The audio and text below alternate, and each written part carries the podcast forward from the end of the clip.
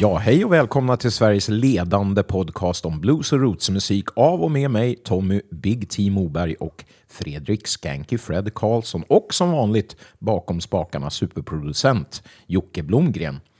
Idag när vi spelar in så är det måndag kväll, den 8 är det, februari. Och vi släpper det här avsnittet fredag den 12. Så nu när några av er lyssnar så är det ju fredagsfeeling va? Eh, välkomna hem till mig igen pojkar. Tack. Hur är läget Fredrik? Det är bra. Jag, eh, I'm on a strike brukar man väl säga va? Ja, on a roll kanske? Ja, on the roll. Ja, men det går bra. Jag jag trivs i din eh, närvaro. Ja, vad härligt. Ja, jag, eh, men eh, ja, nej, det är bra. Ja, men då, då kör vi på. Ja. Eh, eftersom eh, sponsorer än så länge fortfarande lyser med sin frånvaro så tänker vi att vi fortsätter nämna då att vi gärna pushar era företag och produkter här i eten och på våra sociala medier. Ja, precis. Eh, så PM oss på Messenger då, eller mejla oss på bluespodden at gmail.com så ska vi se till att få ihop ett fruktbart samarbete med er. Och jag tänker också att det det passar bra till alla de här nätevenemangen som är just nu. Så om det är någon som ska ha ett nätevenemang så kan, man ju, kan vi tipsa om det i podden. För det är ju en jävla djungel att bara ta sig igenom sociala medier med sitt evenemang. Precis. Det är typ det svåraste du kan göra. Jag har nämligen haft möte med Facebook, så jag vet att de säger det själva. Att det är svårt att hitta fram Ja. till eh, rätt ja. evenemang. Ja, ja att man har, om man har ett evenemang som man vill nå ut med så är det det kanske svåraste att nå fram med. Ja. Eh, så att man, man behöver andra medel. Och här, här når man ju cirka tusen människor i alla fall. Absolut, precis. Och, eh, med, och så är det word of mouth, så att säga. Eh, och då så sprider det sig raskt. Exakt. Och eh, som jag, vi pratade om lite innan så är det ju så att ni som tror att sponsring är att AstraZeneca går in och... alltså ni glöm det, utan vi alla små, små bäckar är Ja. eh, välkomna. Precis. Så några hundralappar hjälper oss att göra ett avsnitt. Och med det sagt så kan vi faktiskt säga att medan ni väntar så får ni gärna swisha oss ett bidrag. Swisha till mig då, 0766 117 144. Så hur ser körschemat ut nu för att få avsnitt 41 Tommy? Jo, eh, vi börjar med musikinslaget serverat av mig denna gång. Sen tar vi Bluespodden prisvinnarintervjun med årets gitarrist 2020 som levereras av dig Fredrik. Eh, sen blir det Sven Zätas Lilla Parlör följt av veckans spaning och till sist Från norr till söder. Välkomna!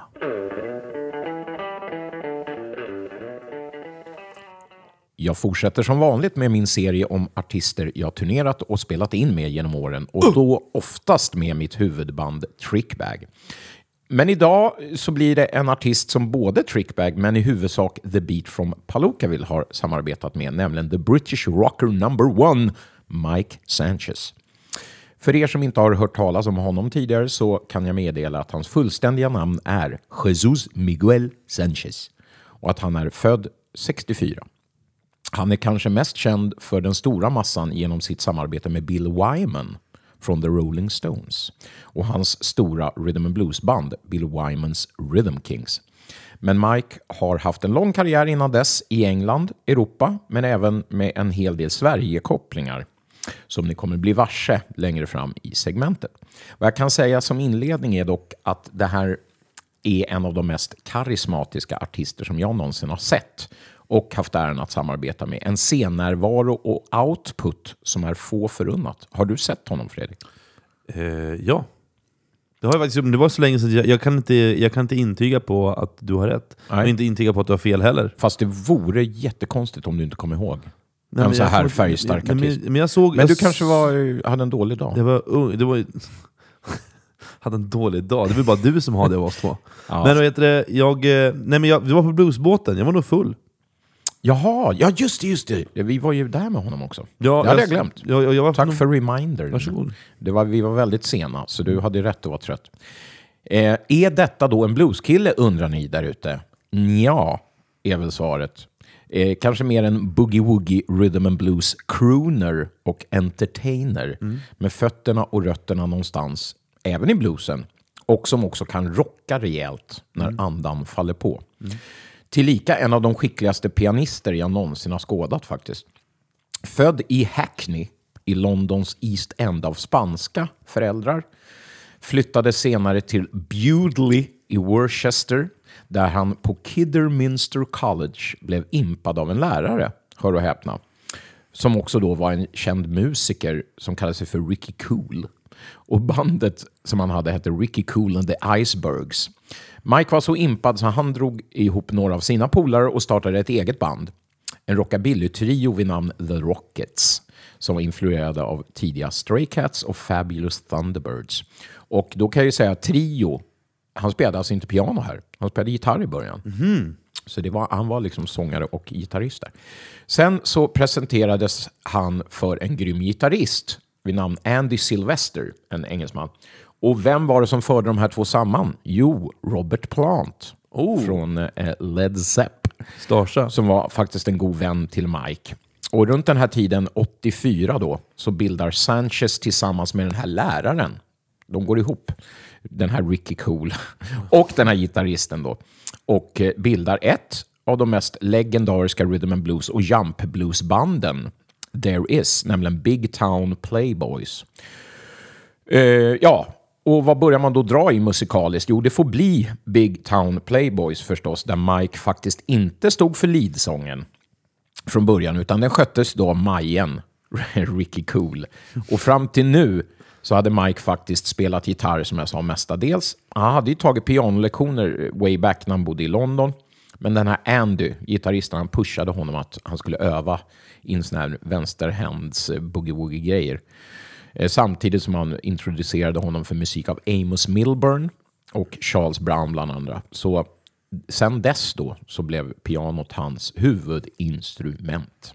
Och första medlet hämtar vi från tidiga Big Town Playboys. Eh, tidigt 80-tal alltså. Eh, först ut från debutalbumet eh, som kaxigt nog är ett livealbum. Det är kaxigt att börja med, Ja, kan man tycka. Men det kan, inte det vara, kan inte det vara... Mm, ah, stamning. Vet Mm. du det, vet du det, kan inte det vara att man har, kanske har det är lite dåligt med pengar? Så att det är lite billigare att göra ett livealbum? Ja, du man, tänker så, man slipper tu- studiotiden. Ja. det beror väl på hur proffsigt man gör själva liveinspelningen. Om det kommer en ljudbuss eh, i miljonklassen körandes. NRK. Eller man sätter fram en kassettbandspelare. Ja. Eh, jag vet inte hur de gjorde, men det är i alla fall en liveskiva. Och eh, då börjar jag med titelspåret Playboy Boogie. Klipp två är låten Who showed my baby how to love me från album nummer två vid namn Now Appearing, hette det albumet. Och sista snutten då, som ni får höra, är låten han har spelat i alla dessa år och även då med Blue Weather Palookaville och Trickbag eh, när han var här. Girls All Over the World från deras tredje album i eget namn, Hip Joint från 94. Varsågoda, här kommer Mike Sanchez.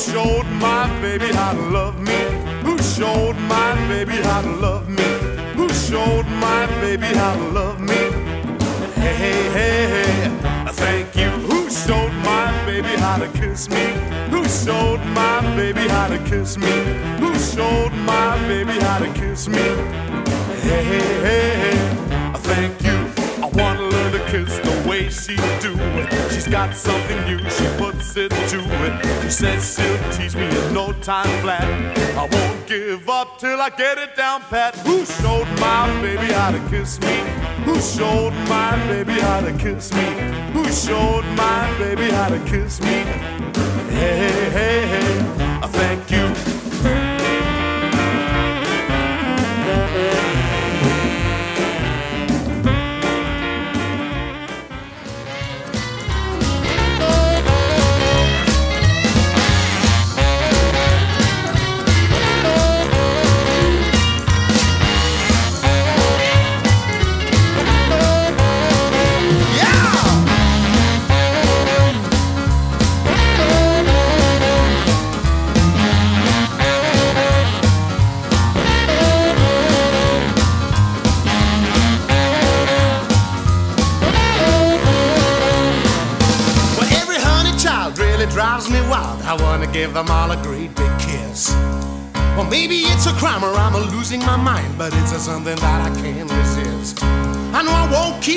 Till I get my fill, and that'll be the day I don't exist.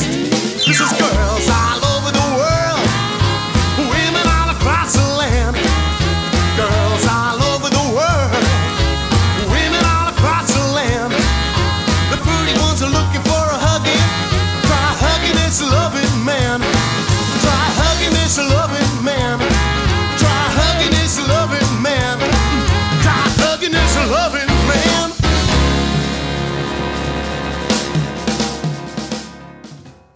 Oh yeah!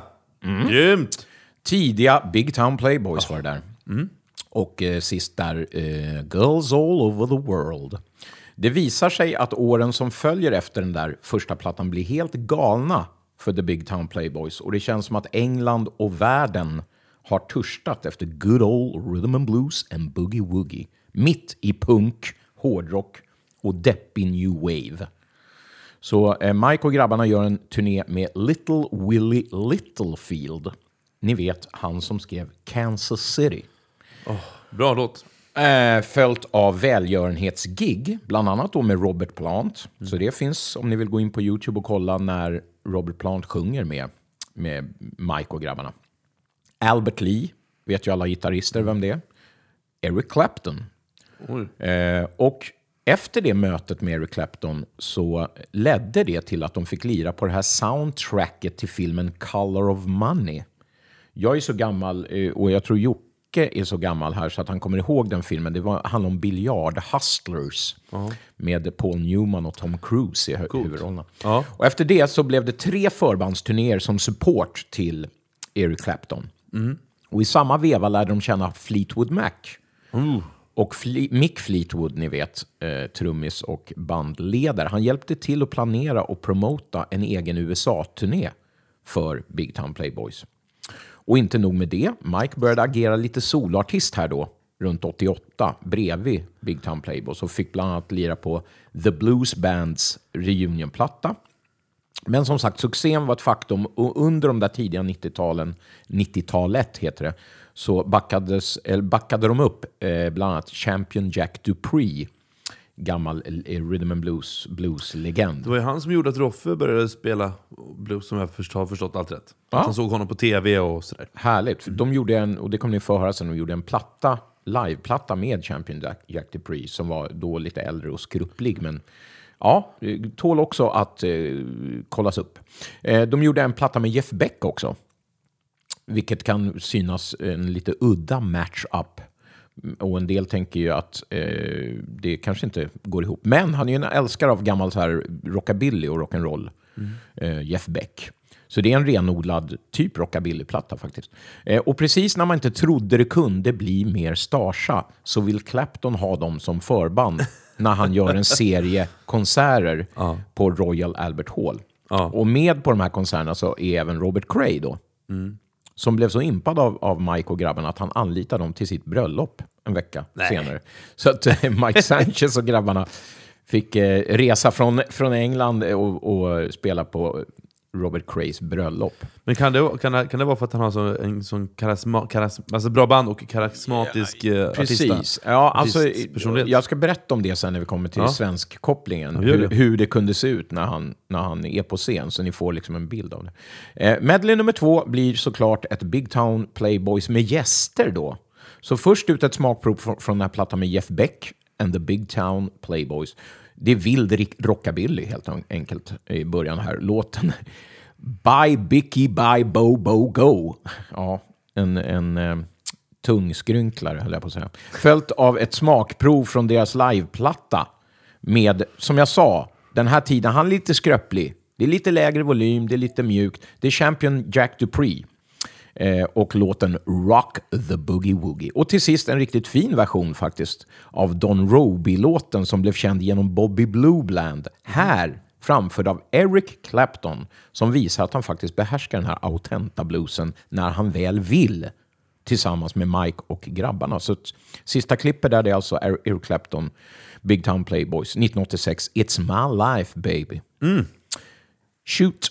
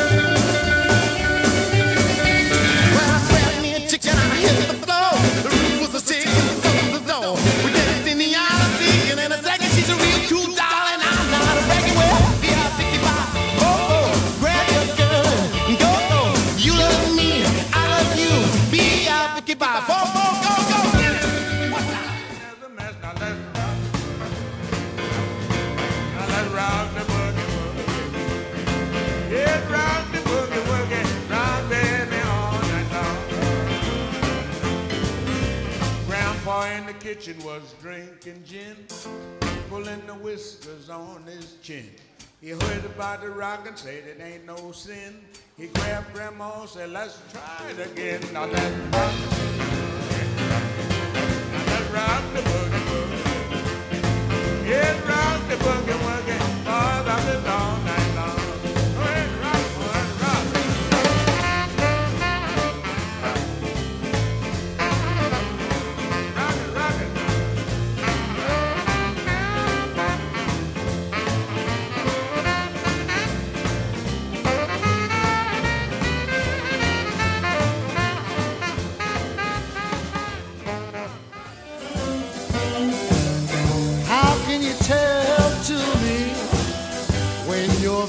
vice is better for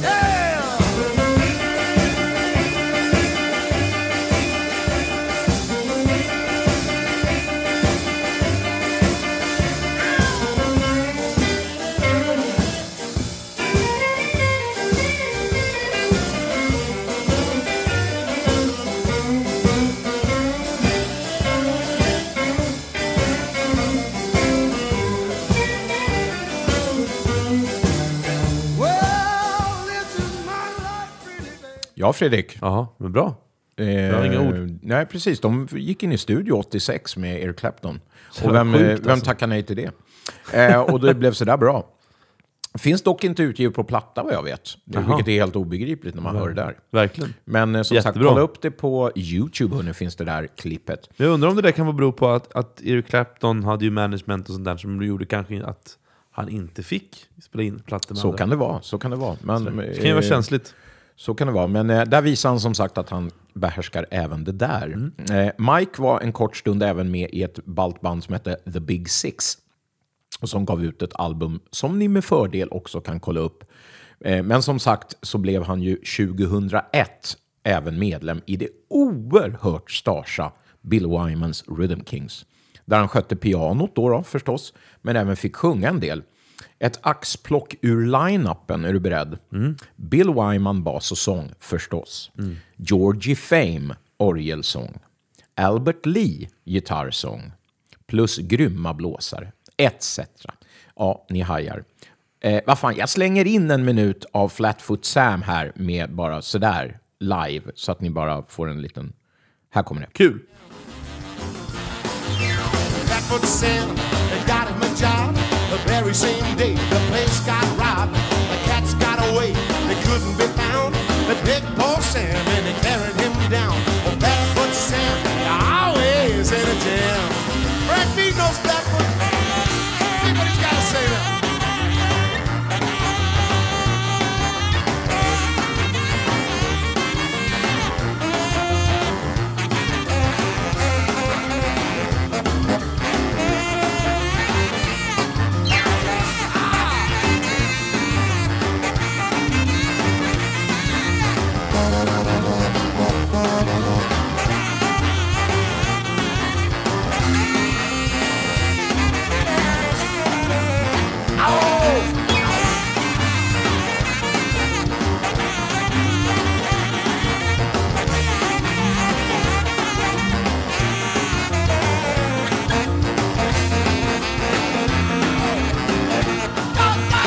det här är ju så sjukt taggat alltså. Det är så, det är så jävla fest. Det där är Mike när han är, Ja. när han är het och bara skriker på. Go, go, go!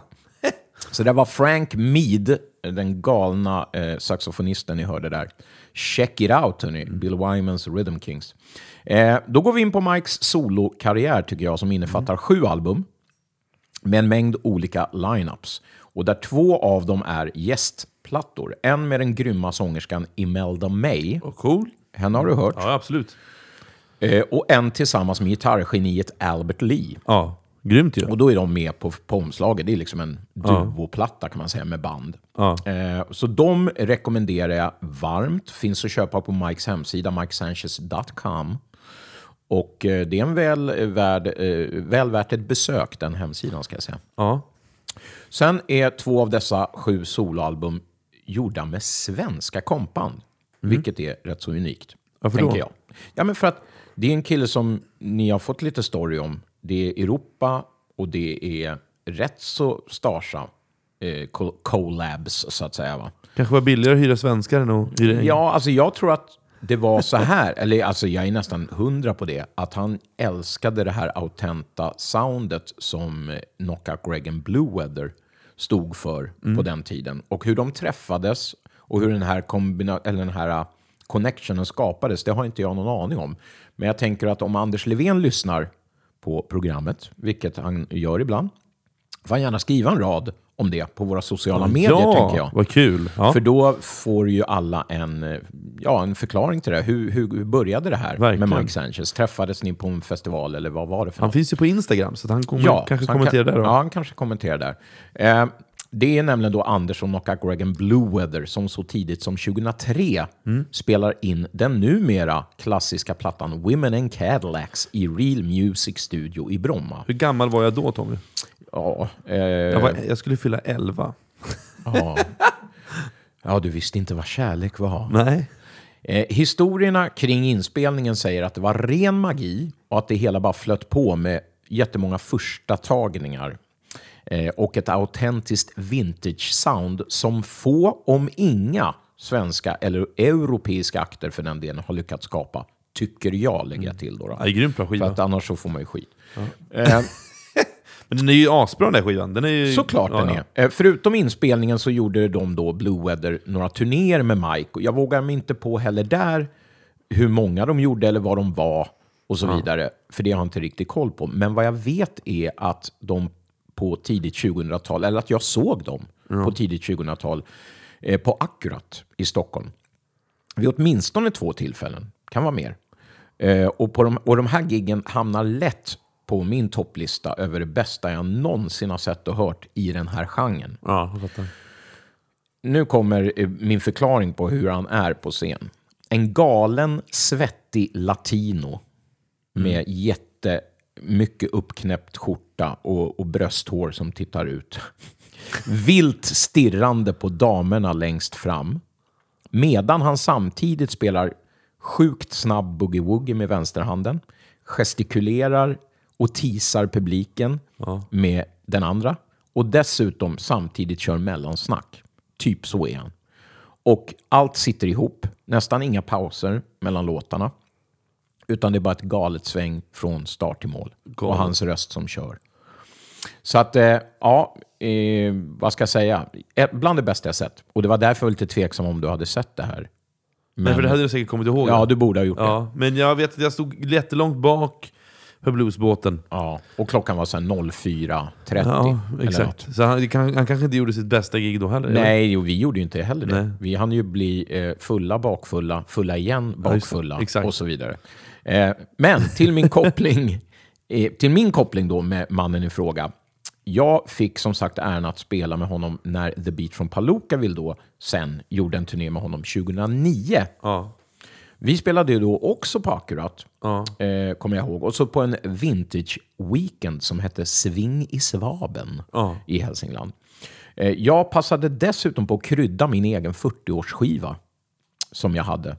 Eh, på mitt jobb hade jag den. Eh, på en skola då som jag jobbade på. Jag toppade kvällen med en show av Mike Sanchez.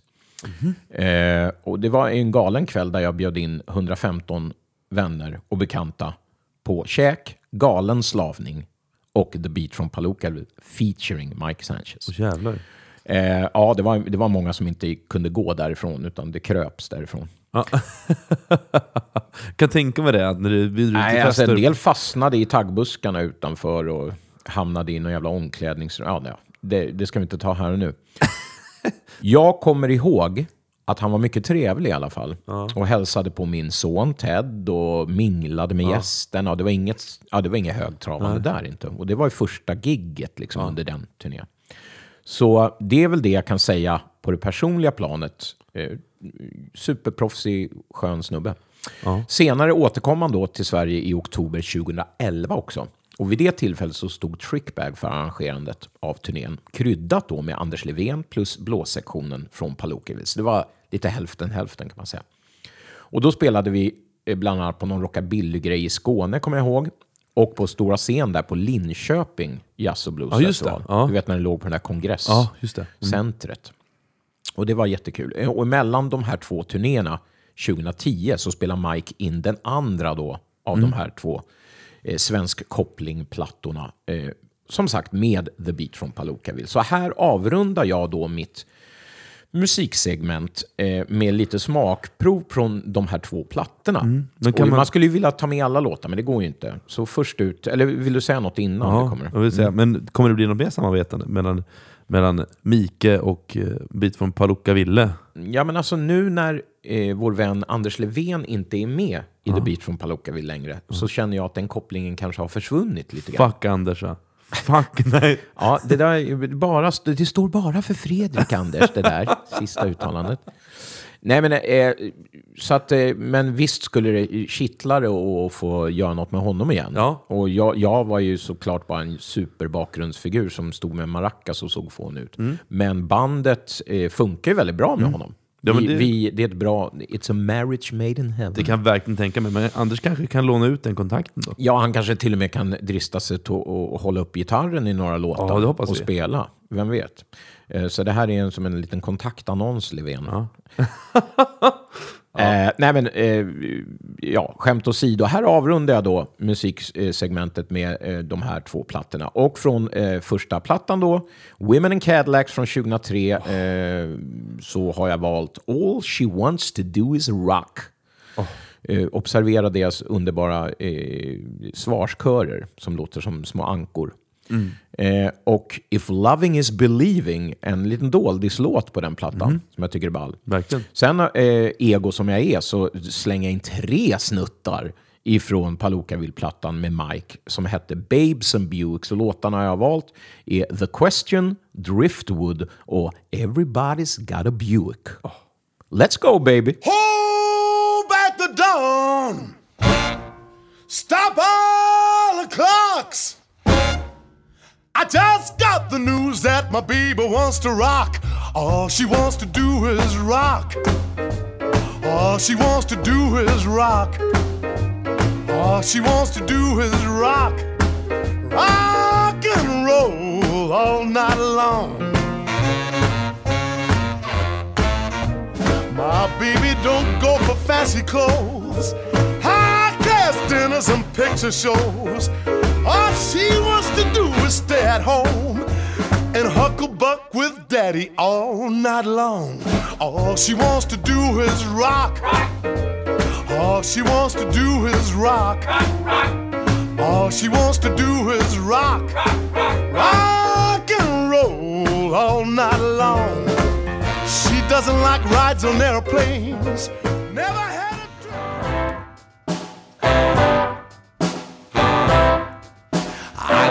gave you everything that money could buy. I haven't been the best, but heaven knows how hard I tried. These things I tell you, baby, seems that you could never see. You said that you love me, that's the way it's gonna be. But if loving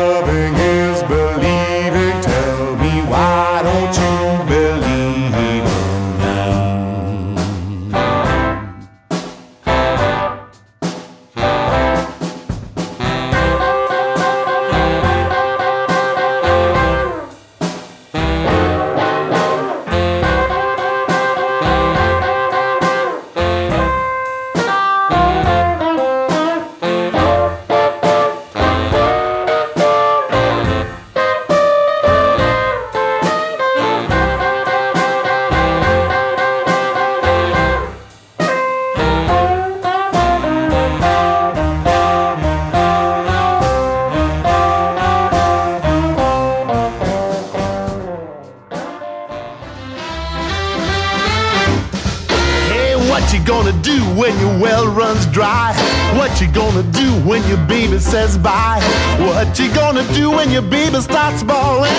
What you gonna do when your love starts falling? What you gonna do when she says goodbye? What you gonna do when she puts you out?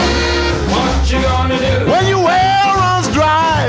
You? When your baby says bye? You gonna do? When your baby starts bawling? You? When your love starts falling, what you gonna do when she says goodbye? What you gonna do when she puts you out? What you gonna do? When your love ain't around, What you gonna do? dig a hole in the ground. What you gonna do? When your love starts falling, I was a happy driftwood, just a happy driftwood. While I was free in the real cool sea, I was a happy driftwood. Drifting about from a day to day, always happy, always gay, until you took me from the sea, filled my heart with I was a happy driftwood, just a happy driftwood. While I was free in the real cool sea, I was a happy driftwood. You took me out and you gave me a smile. You made me happy, but for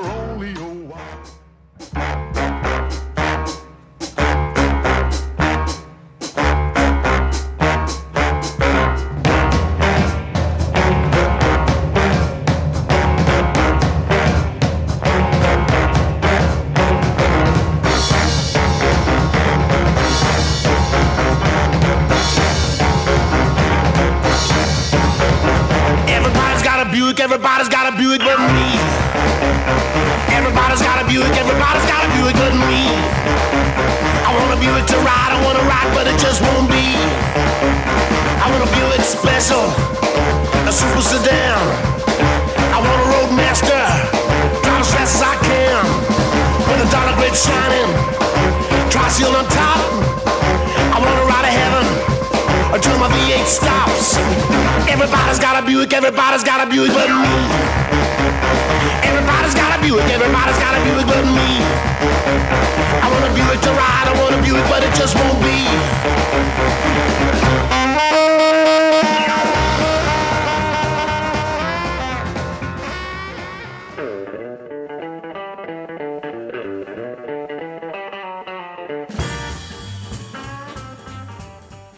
Jag har intervjuat gitarristen och låtskrivaren, Göteborgslegenden, artisten Mr Bo Karlsson som vann eh, Bluespodden-priset 2020 i kategorin Årets gitarrist. Wow. Mm.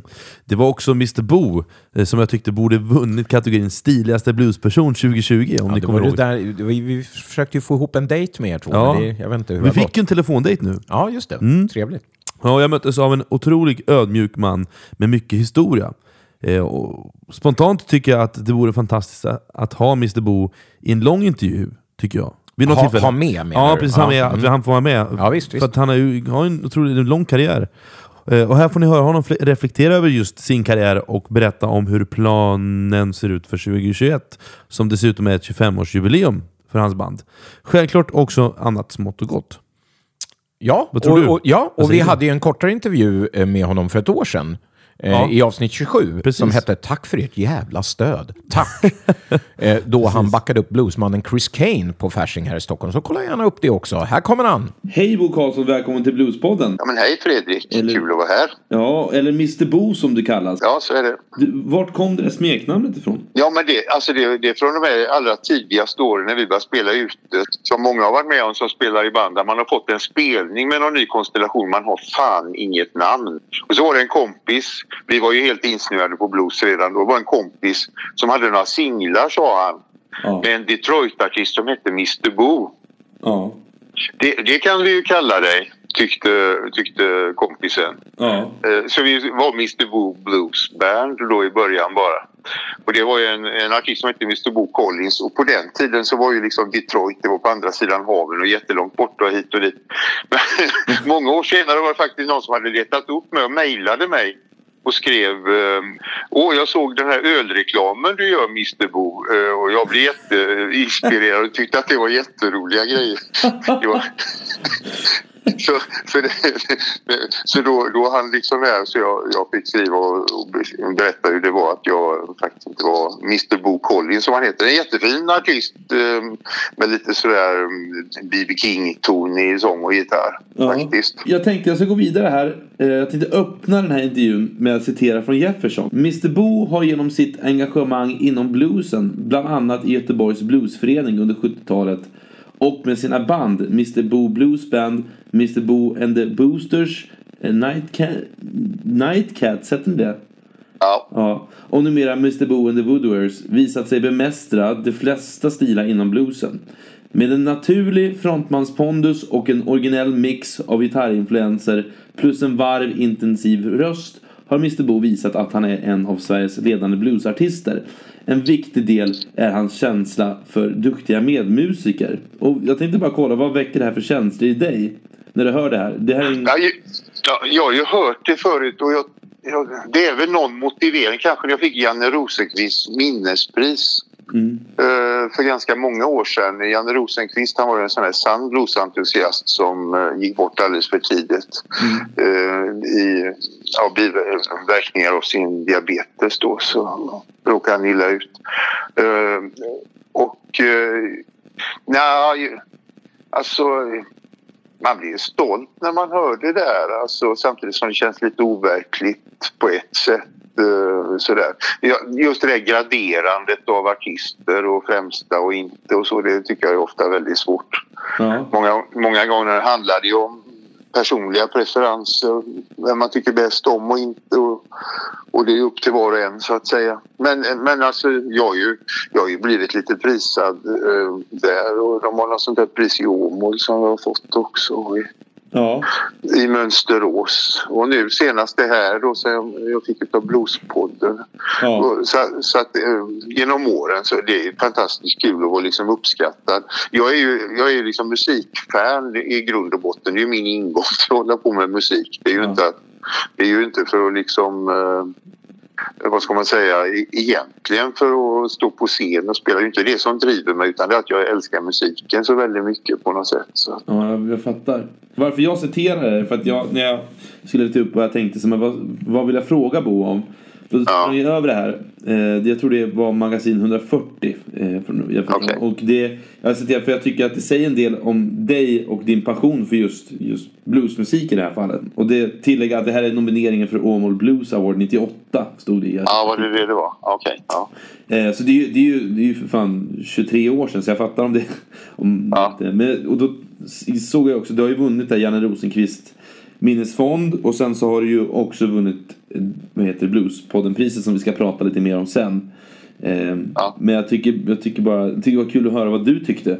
Och det sa jag ju också. Ja, ja visst. Nej, men jag menar, jag, jag, jag är väldigt nöjd med att höra det där med att de tycker man har originella mixar i det man gör. Sådär, kort sagt att de inte helt, helt tycker att man är bra på att härma den eller den eller sådär utan att det, det faktiskt låter lite personligt och så. Det, det, tar man ju till sig. Men tror du, tror du att det är viktigt, för om du är en sann musikentusiast, då antar att du lyssnar på mer musik än bara blues och så, då har du en, då lyssnar du på mycket musik.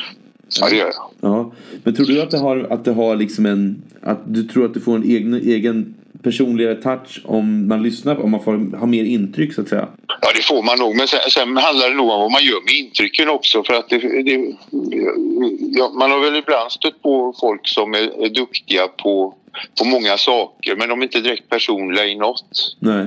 Å andra sidan då va. Eh, jag tänker lite på B.B. King som jag hade glädjen att få, in- få intervjua en gång i världen. Ja. Eh, och, och jag pratade lite om influenser. Jag minns att det var bland annat, jag fr- frågade vad han tyckte om, eh, vad hette han nu, den här eh, sångaren, inte Charles Brown, utan den här Shoutern som var i Sverige då. Jag får återkomma, det kommer säkert tillbaks. Men eh, han, hade, han har en liten sångstil som som, som påminner om B.B. King. Så jag frågade om eh, hur det var med influensen där egentligen. Och så sa B.B. King det. Ja, som tur är så är jag inte så bra på att härma. För hade jag bara kunnat härma så hade jag spelat gitarr som, eh, som eh, T-Bone Walker och, och, och sjungit precis som någon sångare som var min Det hade jag gjort än idag. Men jag, men jag är inte så, jag är inte så duktig på att härma. Så att det blir alltid som, som jag på något sätt. Så blir det. Men jag tänkte på, du har, du har ju som sagt både spelat och intervjuat många av både den gamla och sist jag såg dig så spelade du med Chris Kane. Det är ju lite modernare skola får man väl ändå säga va? Ja, får man säga. Men Han har rätt djupa rötter tillbaks till det. B.B. King och Albert King och sånt där. Ja, i och för sig. Även om, ja, Men, även om han lagt in ganska mycket jazzigt melodiskt i, i sin musik också. Ja, precis. Vilket är coolt. Men jag tänkte bara, Ja. vad, vad kan, jag har egentligen två frågor. Kan du nämna några namn för de som inte riktigt vet? Som du har liksom spelat och, och jobbat med och intervjuat. Eh, sen skulle jag vilja- vilja veta vad du har lärt dig egentligen av alla de här. Eh, om man kan liksom koka ner. Mm. Okej. Okay. Eh, alltså det, det, är ju, det är några stycken och ganska många. Det, det är väl inte så att jag... Det finns, det finns många som har liksom, eh, turnerat betydligt mer än vad jag har gjort med olika musiker och sådär. Men, men detta var ju någonting ganska hemkokt som vi hittade på. Jag tror säkert att många har sett någon film där Rolling Stones är i Chicago och sitter inne med Muddy Waters. ja, just det. Och det är, det är en kille som heter Lefty Diss som är med där på ett hörn som inte alls är välkänd eller sådär. Ja. Men eh, Lefty Diss var i Sverige och spelade med en sån här paketturné och vi var på... Och detta var innan Stones alltså. Ja. Alldeles innan Stones. Och, och vi, vi såg honom då. Det var, var Jimmy Johnson och det var eh, en del andra. En pianist som heter Big Moose Saker och sånt. Med sån där typ American Folk Blues Festival. Fast den hette nog något annat då. Och Lefty Lewis, han var en väldigt kul person. Alltså väldigt chockig i hela sin grej. Så är väldigt personlig på något sätt. Eller som någon uttryckte det att han var eh, väldigt bra på, på att skapa bra stämning men inte så bra på att stämma. Men eh, lite så. Det, eh, så vi eh, hörde av oss till honom och bjöd in honom så vi turnerade honom med 11 spelningar på 10 dagar gjorde vi då. Så, så ett ganska nybakat band och vi var i tre huvudstäder. Vi var i Oslo, Stockholm och Köpenhamn. Så det var jättestort för oss då. Och Han var ju en väldigt rutinerad musiker. Han hade spelat i Junior Wells band och överhuvudtaget sådär. Ja. Men otroligt personlig. Liksom finns ingen som låter i närheten av hur han låter och svårt att riktigt se.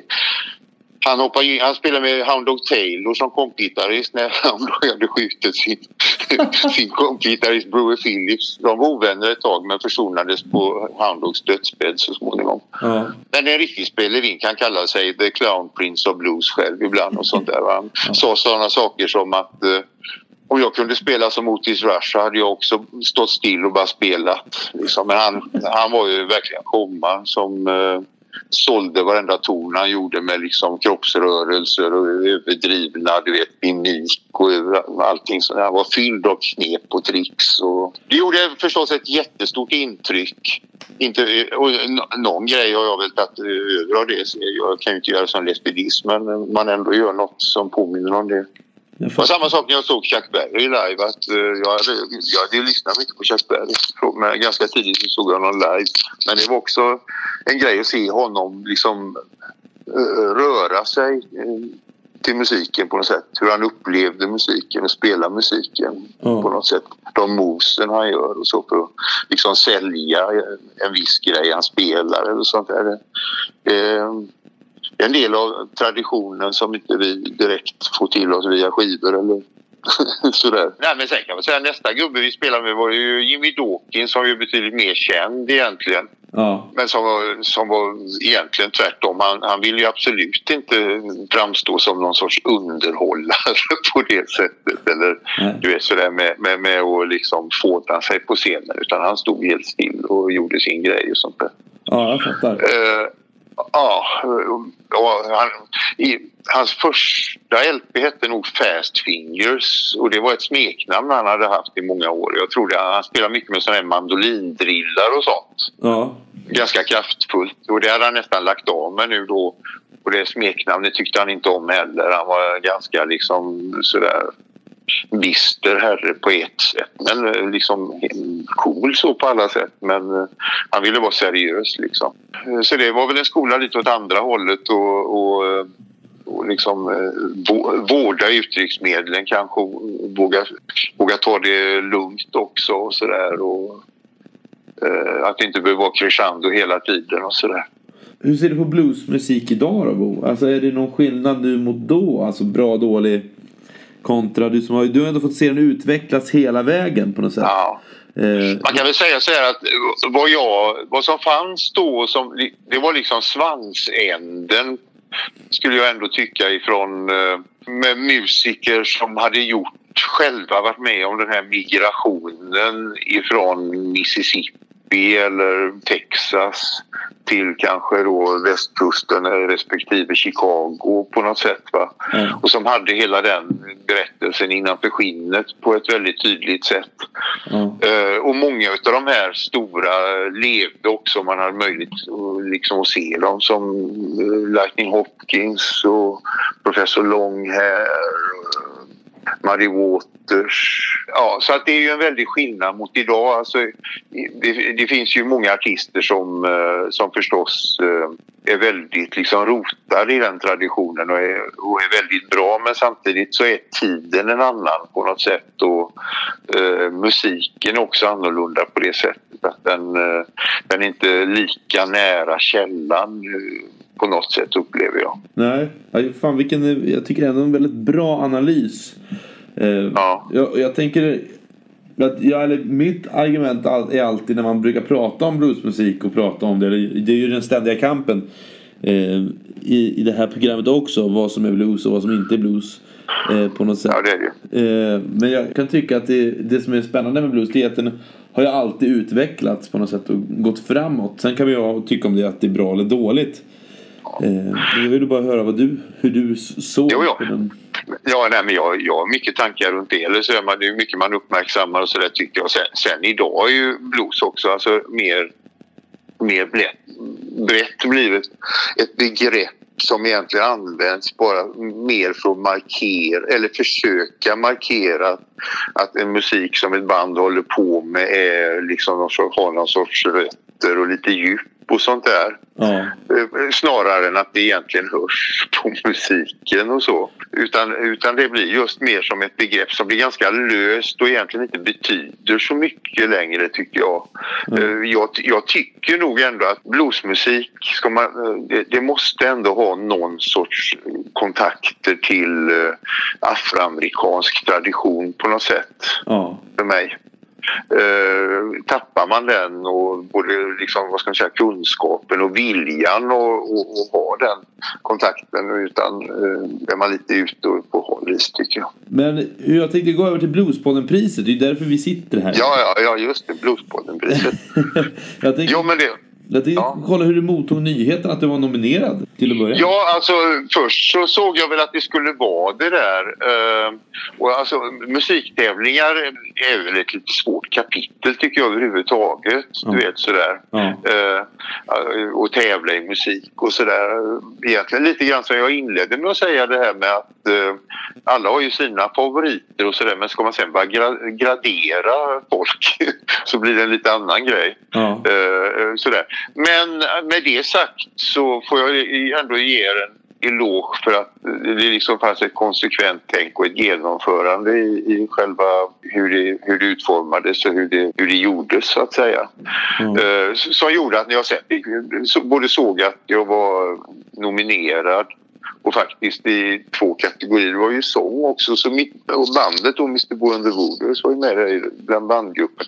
Och att, men att det då var alltså bluesarbetare i arrangörsled och i föreningar och sånt där som hade nominerats så kändes det som en hedersgrej. Då, då måste man ju ha gjort ett, ett bra jobb på något sätt för att komma med och det, det, det kändes ju coolt. Och att sen få veta att man eh, då röstades fram av eh, lyssnarna till Bluespodden eh, som ju så att säga är musikälskare då, de flesta skulle jag tro. Precis. Känns ju jättekul. Ja. Absolut, det är hedersamt. Jag, jag är jätteglad. Ja, ja, jag förstår det. Jag förstår det och grattis. Jag tycker du förtjänar det också. Det var ju en himla uppslutning kring det där. Det var ju över 3000 röster. Ja, det är grymt. Det är det. Men, och sen är det ju så speciellt också tycker jag för att eh, alltså, bland de nominerade så var det ju otroligt. Alltså, det är sådana som jag beundrar otroligt mycket för, för deras musicerande och sådär. va. Så att det, var, det känns lite overkligt att vinna det här priset måste jag säga. Men nu undrar jag såklart vart hamnade vinstplakatet någonstans? Ja, men jag ser det just där jag sitter i vad man får kalla mitt vardagsrum då där jag, jag har en massa skivor och musik och sånt där och en gammaldags hederlig stereoanläggning också med stora rejäla högtalare. Ja. Och där på en högtalarstapel så står det längst upp. Åh. Så att du ser det varje dag kan man säga då? Ja, det kan man säga. Ja. Ja. Vad härligt. Eh, du har ju, Ja. vad heter det här bandet Mr Bo and the Voodoo, Voodoo vad uttalar man det där? Voodooers? Nej, säg voodoo först och så äsch efter. Voodooers. Voodooers. Så är det. Ja. Jag har alltid haft svårt att uttala det. Ja, det är du inte ensam om. Nej. Eh, apropå, ba- apropå bandnamn så borde vi ha slaktat det för länge sedan kanske. Men nu får det vara kvar. Men eh, jag tänkte, du, ni har ju spelat f- för när vi intervjuade er förra, förra året, då var det ju 24 år sedan, så det innebär att det är Ja. 25-årsjubileum i år. Så är det ja. Absolut. vill veta, vad är dina bästa slash sämsta minnen med den här gruppen? Oj, oj, oj, oj, oj. Eh, jag vet inte om det är bästa minne, men det är väldigt tydligt minne. Vi hade spelat på Nalen i Stockholm. Ja, Och, det- och det är ju som en liten backe ner där precis. Där hade vi liksom kört, som är återvändsgata då. ja, Den, ner en liten snutt och sen backe upp man ska upp igen. Och där har vi parkerat bilen. ja. Och så hade vi tagit några öl så bilen stod kvar där. Och så öppnade kranen och det bara snöade hela natten. Så, så vi, vi, vi kom till Nalen och skulle lasta ur då. Vi gjorde väl något försök, bara något lite sådär, du vet. Först må lasta bilen och så försöka köra upp. Det gick ju inte. Så tänkte vi tar ur grejerna och kör upp bilen och bär upp grejerna. Det gick ju inte. Och så lite hit och dit. Och så lyckades jag få tag i Stockholms enda bärgningsbil som kunde tänka sig att ta ett uppdrag för de var så upptagna allihop som, som drog ner en vajer på 50 meter och lyckades dra upp oss med liksom spel upp för backen. Och sen så, sen så körde vi på motorvägen mot Karlskoga där det var festival där vi skulle spela. Ja. Och det var så dåligt väder och väglag så att vi körde liksom i 30-40. Det var ett sånt här led i högerfilen då på motorvägen. Ja. Vi såg ibland någon som kom och försökte köra om på vänsterfilen. Ja. Men fick sladd och, och blev stående med ljusen åt fel håll. Liksom så här. Man, de försvann i rutan där, så här. Man tittade ut lite grann så här. Ja. Ja, så, så jag ringde ju arrangörerna då så att eh, vi skulle spela eh, sju eller något sånt där. Att eh, vi måste ändra tid. Vi, vi måste spela senare för det går inte. Och där borta var det ju barmark i Karlskoga. Nej. Så, så de, de trodde ju inte vi var kloka. Liksom sådär. Men sa okej, ja, jag ska försöka. Det måste du förstå att det blir inte lätt. Nej, men jag vill att vi ska spela allt så, ja du vet sådär. Ja. Man sitter som på nålar då för att man inte ska köra diket och allting. Ja, i alla fall så vi närmar oss då Karlskoga. Och grejen var att på, i, vi spelade som kvartett i, eh, på Nalen. Ja. Men vi skulle ha, ha två blåsare som skulle åka upp från Göteborg för festivalgigget då med lite mer märg då tyckte vi. Eh, Så att när vi, precis när vi körde in i Karlskoga och liksom började andas ut en aning så var på högspänning hela dagen liksom. Ja. Så ringer min mobil och då är det trumpetaren då som ringer. Du, vi är framme här i Karlskrona nu. Nej. Nej, lägg av. Ja. Fast han skämtade ju bara. Men Jaha. alltså, de, ja, men det är typiskt den killen som jag inte ska namnge. För, ja, I vilket fall så, så det är typiskt honom. Ja. Men, men den satt så in i liksom hjärtat just i det ögonblicket. Ja, alltså fan det alltså. Det blev bara som ett vitt ljus runt mig på något sätt. Ja, fy. Eh, men du, jag, vill, jag vill tacka för att du var med i Bluespodden. En sista fråga här nu. Ja. Eh, det är ju hur du ser på framtiden under 2021. Hur kommer du fira det här 25-årsjubileet? Ja, alltså vi, vi precis innan eh, pandemin slog till så att säga så eh, tog vi oss ner till, eh, till, till Kalmar och Söderport där som är, som är ett trevligt liveställe. Ja. Eh, och spelade in en, eh, en liveshow där med våra skivbolag Panna Records då, som spelade in ja. det.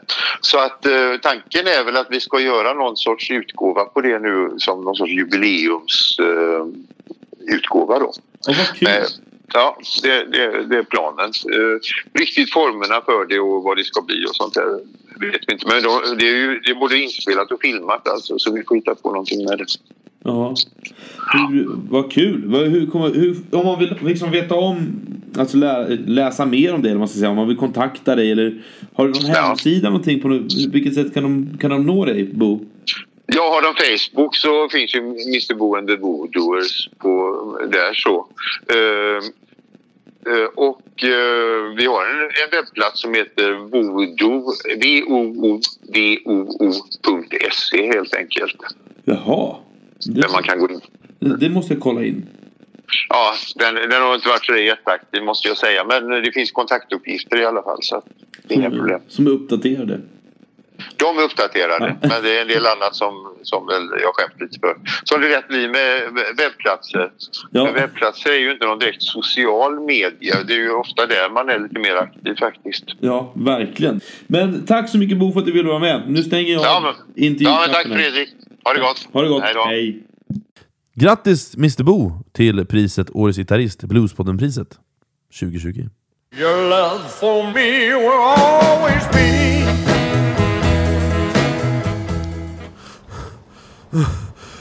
Förlåt grabbar, jag ser nu. Jaha.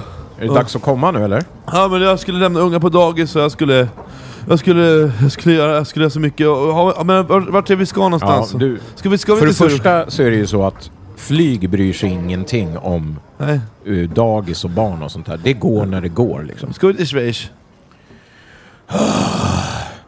Eh, om du menar mellanlandningen i Zürich, ja. Ja, ja, ja. Men har vi, är det inte Gettin vid tre?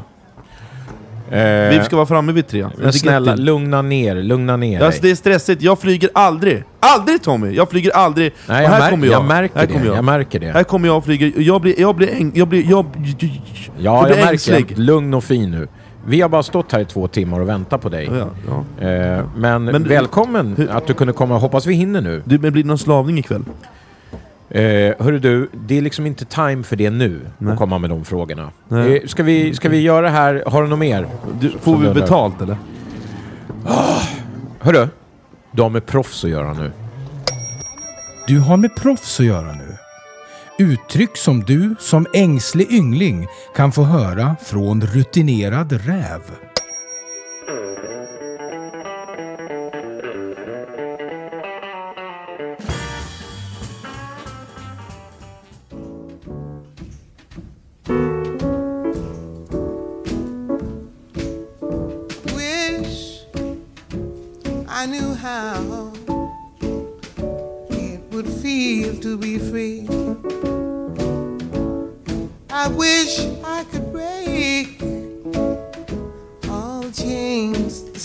Still binding me. Yeah.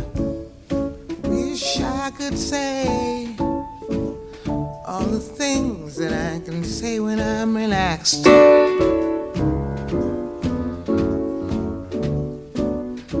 I'd be starting anew. I wish I could be like a bird in Vad tänker du när du hör den här låten Tommy? Eh, att det är helt nytt för mig. Jag, jag har inte hört det här tidigare. Men du hör vem det är? Nina Simone. Precis. Och eh, ja, men det låter ju fint som vanligt. Ja, det är en liveversion med Nina Simone av låten I wish I know how it feels to be free. Tagen från Live at Montreux 1976. Montreux. Montreux, tack. Fantastisk låt och fantastisk version. En version som bara Nina Simone kan göra. Händelserna som jag kommer dela med mig av är för snart 17 år sedan. Det är händelser jag sällan pratar om men som har präntat sig fast i mig. Det är ett sånt där som man är med om men som bara man tänk, kommer tänka på ibland. Ja. Ehm, och det är för snart 17 år sedan nu. Och det, jag växte upp i centrala Norrköping. Och när jag var liten tog jag och min kompis alltid sällskap från skolan. Vi har en kanal i Norrköping som kallas i folkmun för Strömmen. Tekniskt sett är det Motala kanal som rinner genom hela Norrköping, ut i Bråviken och sen ut i Östersjön. Jag och min kompis är på väg hem från vår gamla skola. Pratar om det som 11-åringar gör. Jag vet inte ens vad 11-åringar pratar om. Men Nej, inte jag heller. Det var för länge sedan. Precis. På vägen passerar man ett vattenfall. Det ligger idylliskt vid en park som heter Folkparken. Precis mitt emot vårt fängelse, som faktiskt är ett av de äldsta fungerande i Sverige. Bredvid fängelset står vad jag tror är gamla textilindustrier. När man passerar vattenfallet går man över en bro som leder till ett gångstråk. Gångstråket följer kanalen och detta gör att du går bredvid vattnet. Numera kan du följa vattnet hela vägen in till Norrköpings centrumkärna. Men det var ju innan kommunen insåg värdet av den här platsen. Eh, och när jag och min kompis går längs vattnet dyker en kvinna upp i 50-60 års åldern. Dyker upp från ingenstans och ska gå ner i det kalla vattnet. Eh, eftersom vattnet är strömt blir det inte is på vintern och det här var nämligen på vintern. Eh, framförallt inte när vattenfallen är på. Då blir det bara en fors. Det bara forsar omkring.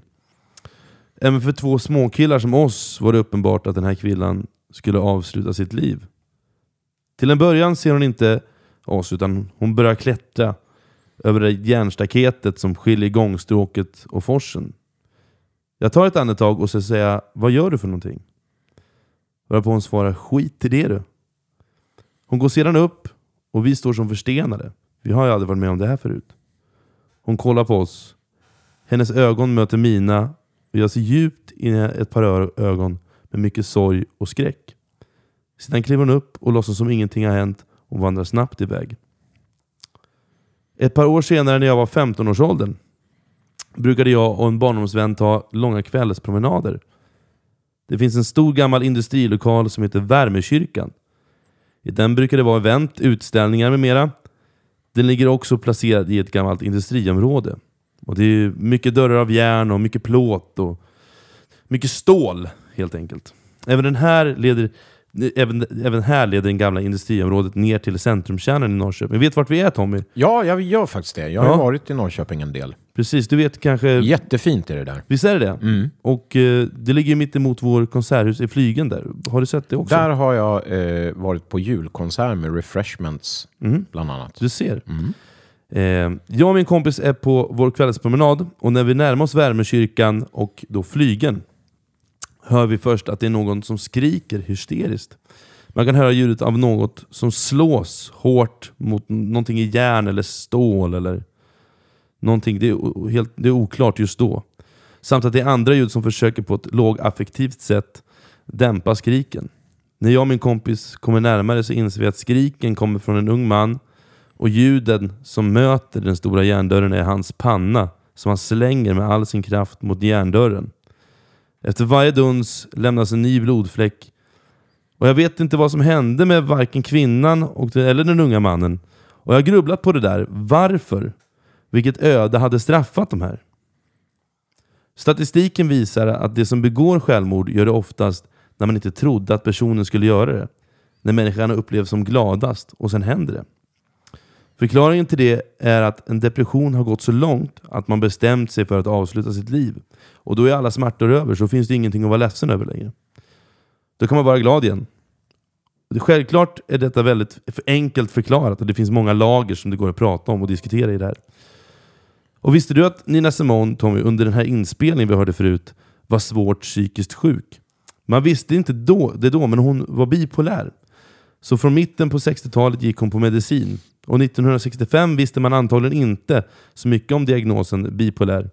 Så jag får killgissa. Jag antar att hon blev felmedicinerad med rätt starka mediciner dessutom. Och under det där framträdandet på Montreux, Montreux är det ganska uppenbart Nina mår inte så bra. Och med vetskapen om att hon var sjuk får låten och texten för mig en helt annan innebörd när hon sjunger den. Jag tänker ofta att hon sjunger om sig själv. Om, och om man vet hur originalet går vet man att hon ändrar texten flertalet gånger i den här versionen som vi lyssnade på. Hon sjunger fel ordning på verser, byter ut ord och improviserar helt enkelt. På inspelningen vi hörde så sjunger hon så här. I wish I knew how it would feel to be free. I wish I could break all change binding me. I wish I could say all the things all the things I could say when I'm relaxed. Men originalet går så här. I wish I knew how it would feel to be free. I wish I could break all change holding me. I wish I could say all the things, all the things I should say, say them loud, say them clear. Och för mig blir det uppenbart att hon berättar för alla att hon är inlåst i sig själv. Att hon är fånge. Att den Nina som ni ser och hör är inte hon. Förvirrad och inlåst i en kropp och i en hjärna som inte vill henne väl. Och den här förvirrade själen bor nog hos alla. I kvinnan som skulle ta sitt liv, i mannen som slog sig sönder och samman mot den här järndörren. Nina berättar för mig och oss det vi alla känner ibland, mer eller mindre. Jag önskar att jag visste hur det kändes att vara fri, fri från alla kedjor som binder mig och henne. Originalet är en gammal gospel och då handlar låten om slaveriet antar jag. Att den svartas befrielse och att de skulle få ett värdigt liv. Och... Men för mig är frihet att vara fri från det inre mörkret, ångest och alla de där andra mörka tankarna som bor i oss. Demonerna. Nina sjunger för oss här i Montreux att hon måste vara fri. Men måste man, man måste vara fri, så är man, om man inte är det så är man murderous. Vilket jag inte vet vad det innebär. Vad tänker du om ordet murderous? Vet du vad det innebär? Eh, Ja, mordsbenä- självmordsbenägen då kanske i det här fallet, eller? Ja, jag tänker det. Och vad som har slagit mig är att vi som jobbar med någon form av estetik, film, musik, konst, you name it. Vi är en av få yrkesgrupper som får utlopp för alla de här känslorna. När du och jag Tommy spelar musik, då spelar det våra djupaste känslor. Hur vi känner oss just då. Och det är nog den enda gången som jag i alla fall är riktigt lycklig. Den enda gången som mitt ankare får lätta, då bor det ingen sorg i mig. Den lämnar mig med musiken. Och det är när jag får spela musik, mina tankar känns klara. Jag får leva i nuet, inte imorgon eller igår. Den enda gången som jag är ärlig mot mig själv och mot alla andra i min omgivning. Och jag kan satsa tusen kronor på Att så är det för de flesta, även för dig Tommy. Eller hur? Ja, jag tycker att du uttrycker det väldigt fint och för mig är det exakt likadant. Bra. Det ger oss mening, tror jag. En mening som jag tror kvinnan och mannen saknade. Jag kan ha fel, men eh, det är det som liksom är lite min spaning. Att vi kommer ha något att leva för och brinna för resten av vårt liv. Även om hur bottenlöst det mörkaste hav verkar. Det är därför Ninas framträdande blir extra sårbart. När hon är psykiskt sjuk och drogpåverkad låten innan skällt ut publiken, sätter sig vid pianot och den riktiga, friska, fina Nina får komma fram. Nina tog aldrig sitt liv, jag kollade upp det här, vilket är relativt vanligt. Att om du är bipolär så tar du, kan du ta ditt liv, det är rätt vanligt. Jag kan fortfarande ha fel, men jag tror att Nina kände precis som vi, att hon hade någonting att leva för, att tro på. Och det spelar ingen roll hur mörkt det var i hennes liv, så kanske hon räddades av musiken. Nina sjunger textraden I wish I knew how it feels to be me. Och jag undrar om många vet det. Vet jag det? Vi är i våra kroppar 24-7. Vet vi verkligen vad det innebär att vara sig själv? Vad är jaget, förutom att vi föds och vi dör? Och vad innebär det att hitta sig själv?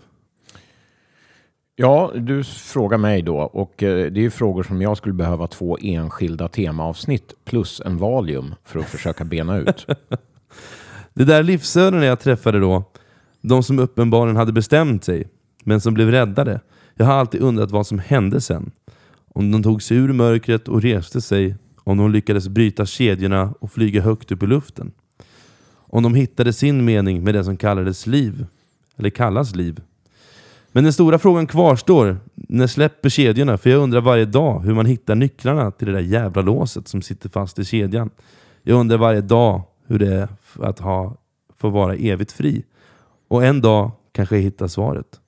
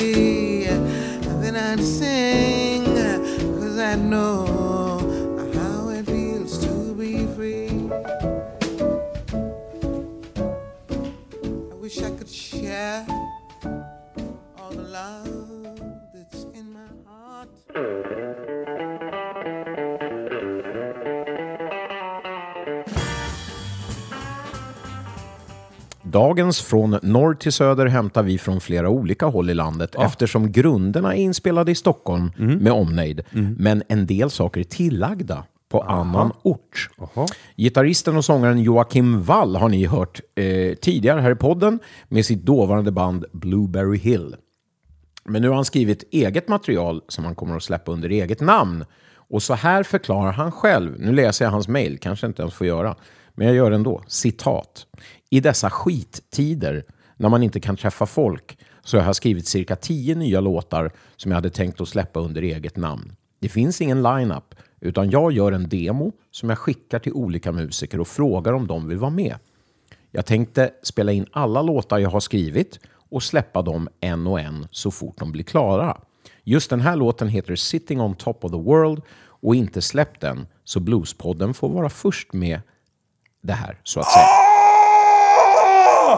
Slut, Vad härligt. Slutcitat. Ja.